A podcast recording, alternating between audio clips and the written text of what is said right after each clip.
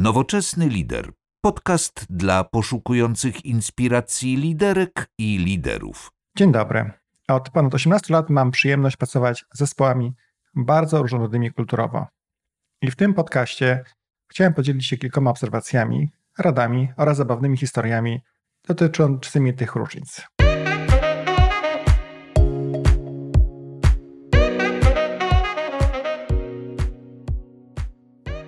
Jeżeli rozmawiamy o różnych kulturach, to zapewne większość z nas automatycznie nawiązuje do ciekawych i egzotycznych miejsc, jakie mieliśmy szansę odwiedzić. Do potraw, jakie mieliśmy szansę spróbować i ludzi, bardzo często kulturowo zupełnie różnych od nas, które mieliśmy szansę poznać. Dzisiejszy podcast jest o tym, jak różnice kulturowe mogą wpływać na nasze relacje biznesowe, lub tak jak w moim przypadku, o czym warto pamiętać, zarządzając wielokulturowymi zespołami. Ladies and gentlemen, uh, good afternoon. My name is David Boaton. I'm the first officer. My pleasure to welcome you on board this British Airways flight to Dallas. Thank you for boarding promptly. Przy okazji zachęcam również do przeczytania krótkiego wywiadu ze mną na stronach Spiders Web, gdzie o tym temacie miałem przyjemność rozmawiać z Adamem Sieńko. Link jak zwykle znajdziecie e, na blogu nowoczesnylider.pl. Jak się przygotować do bycia bardziej świadomym liderem i jak spróbować odnaleźć się w zespołach wielokulturowych bez większych wpadek. Jak zapewne droga słuchaczko lub drogi słuchaczu zauważyliście, użyłem słowa bardziej, ponieważ wieloletnie doświadczenie w takim środowisku pomogło mi uniknąć tych największych gaf, ale zapewne nie jestem świadomy tych wszystkich mniejszych pomyłek, które zapewne popełniłem tysiące. Oto krótki przykład sytuacji, z którą mam mm, problemy na co dzień. W pracy z moim kolegą z Indii mam zawsze problem ze zrozumieniem, co oznacza jego kiwanie głową kulturze hinduskiej jest pewnie 30 różnych sposobów, o ile nie więcej, na przekazywanie o tym, co myśli nasz rozmówca. Ważna jest nie tylko kierunek, jakim porusza się głowa, ale również prędkość czy też pozycja brwi. Na blogu znajdziesz link do krótkiego filmu, w którym dwójka Hindusów wyjaśnia, co oznaczają poszczególne kombinacje kiwania, pozycji brwi i prędkości kiwania. Next, the highbrow. This shows certain high levels of agreement that the yes not can never provide. Moje kontakty z Jayem kończą zawsze się tym, że dopytuję go, Jaya, powiedz mi, co tak naprawdę chciałeś powiedzieć? Zgadzasz się z tym moim stwierdzeniem, czy się nie zgadzasz? Bo nigdy nie rozumiem, co oznaczają jego e, kiwnięcia głową. Gdzie szukać informacji o tym, jak się lepiej przygotować przed swoją pierwszą podróżą na spotkanie ze swoim e, zdalnym zespołem? Po pierwsze, może okazać się bardzo przydatne pytanie zaufanych osób w zespole, e, na co w szczególności zwrócić uwagę jakich gaf na pewno uniknąć i jakich tematów może nie warto na takim spotkaniu poruszać. Osobiście również przed takimi podróżami sięgałem po przewodniki o kraju, do którego miałem się udać, starając się lepiej poznać jego historię, kulturę oraz obyczaje. Czym zdarzyło mi się wprowadzać w lekkie zakłopotanie koleżanki kolegów, ponieważ moja wiedza historyczna o ich kraju była większa niż ich własna.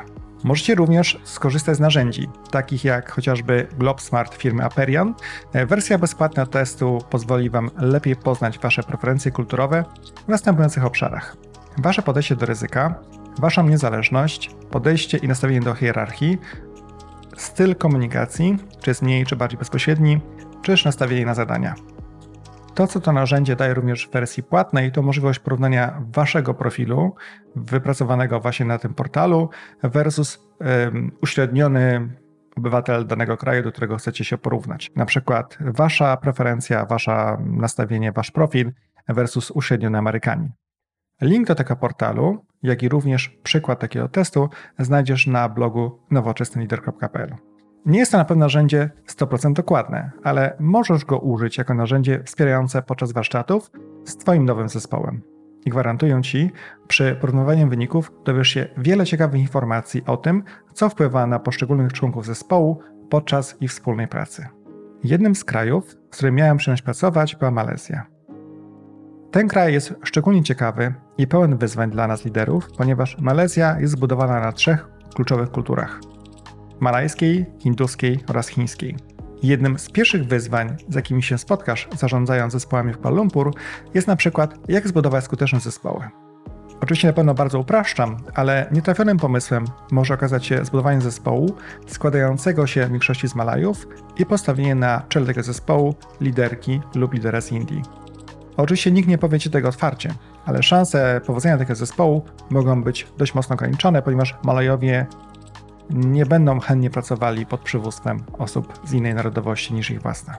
Innym, ciekawym przykładem różnic kulturowych jest współpraca z zespołami z Filipin. Po pierwsze, dla Filipińczyków bardzo ważny jest zespół oraz relacje. Dlatego nagradzając pojedynczą osobę, możesz ją bardzo mocno zakłopotać. Ważne jest ocenienie zespołu, a nie pojedynczej jednostki. Poza tym, bardzo uważaj przy dawaniu informacji zwrotnej. Filipińczycy bardzo przeżywają, jeśli jest negatywna, nawet jeśli jest konstruktywna. To po prostu nie mieści się w ich kulturze. Inny przykład. Zapewne widzieliście już kiedyś mema, który pokazuje, co Brytyjczyk powiedział, co tak naprawdę miał na myśli, a co my zrozumieliśmy. Ladies and gentlemen, my name is Becky Corrigan and today I've got the pleasure of being your senior first officer on board this British Airways operated flight to London Heathrow. Po 15-letniej pracy dla angielskiej korporacji i ponad dwóch latach spędzonych w Londynie mogę powiedzieć, niestety nie jest żart. Oto przykład. Zapewniam cię, że jeżeli te słowa padają z ust prawdziwego Anglika, może zakładać, że to prawda. Anglik powiedział, to jest całkiem dobre. Co pomyślał? To jest całkiem rozczarowujące. Co ja bym zrozumiał? To jest całkiem dobre. Drugi przykład. Anglik. Jestem pewien, że to jest mój błąd. Co myślał? To jest twój błąd. Co ja bym pomyślał? Dlaczego on myśli, że to jest jego błąd? A oczywiście w każdym z tych przypadków poruszamy się w obszarze stereotypów, ale warto czasem dopytać, co twój rozmówca miał tak naprawdę na myśli, słysząc tego typu sformułowania. Jeszcze jeden przykład, kiedy dwie kultury rozumieją pewne sformułowania zupełnie inaczej. Tutaj muszę posłużyć językiem angielskim. Fraza, o której będzie mowa, to put on the table. Teraz, jeśli jesteś Anglikiem, e, dalej chcesz kontynuować dyskusję na ten temat. W ich przypadku put on the table mówi tak, kontynuuje dyskusję dalej. Jeżeli ty jesteś Amerykaninem, to właśnie zamknąłeś ten temat i chcesz przejść do następnego. Pomyśl, jakie to może wywołać zamieszanie przy stole negocjacyjnym. I też ostatni, dość zabawny przykład z mojego życia, tym razem z Włoch. Miałem przyjemność prowadzić tam projekt wprowadzający nowe oprogramowanie dla działu sprzedaży. Cała akcja dzieje się w Weronie, gdzie na spotkaniu z re reprezentantami lokalnego biznesu, razem z kolegą prezentujemy im, jak będzie działać w przyszłości model współpracy. Ważnym elementem jest to, że prezentację prowadzimy po angielsku. I chyba jedna z 15 osób po stronie włoskiej umie się w nim w miarę sprawnie porozumiewać. Nazwijmy ją Marko. Kończąc prezentację, zadajemy pytanie, czy koledzy zgadzają się z naszą propozycją. Na to Marko, jeszcze po angielsku, pyta, czy będzie dla Was ok, jeśli propozycję przedyskutują po włosku. Potwierdzamy, dla nas to żaden problem. I wtedy wybucha burza.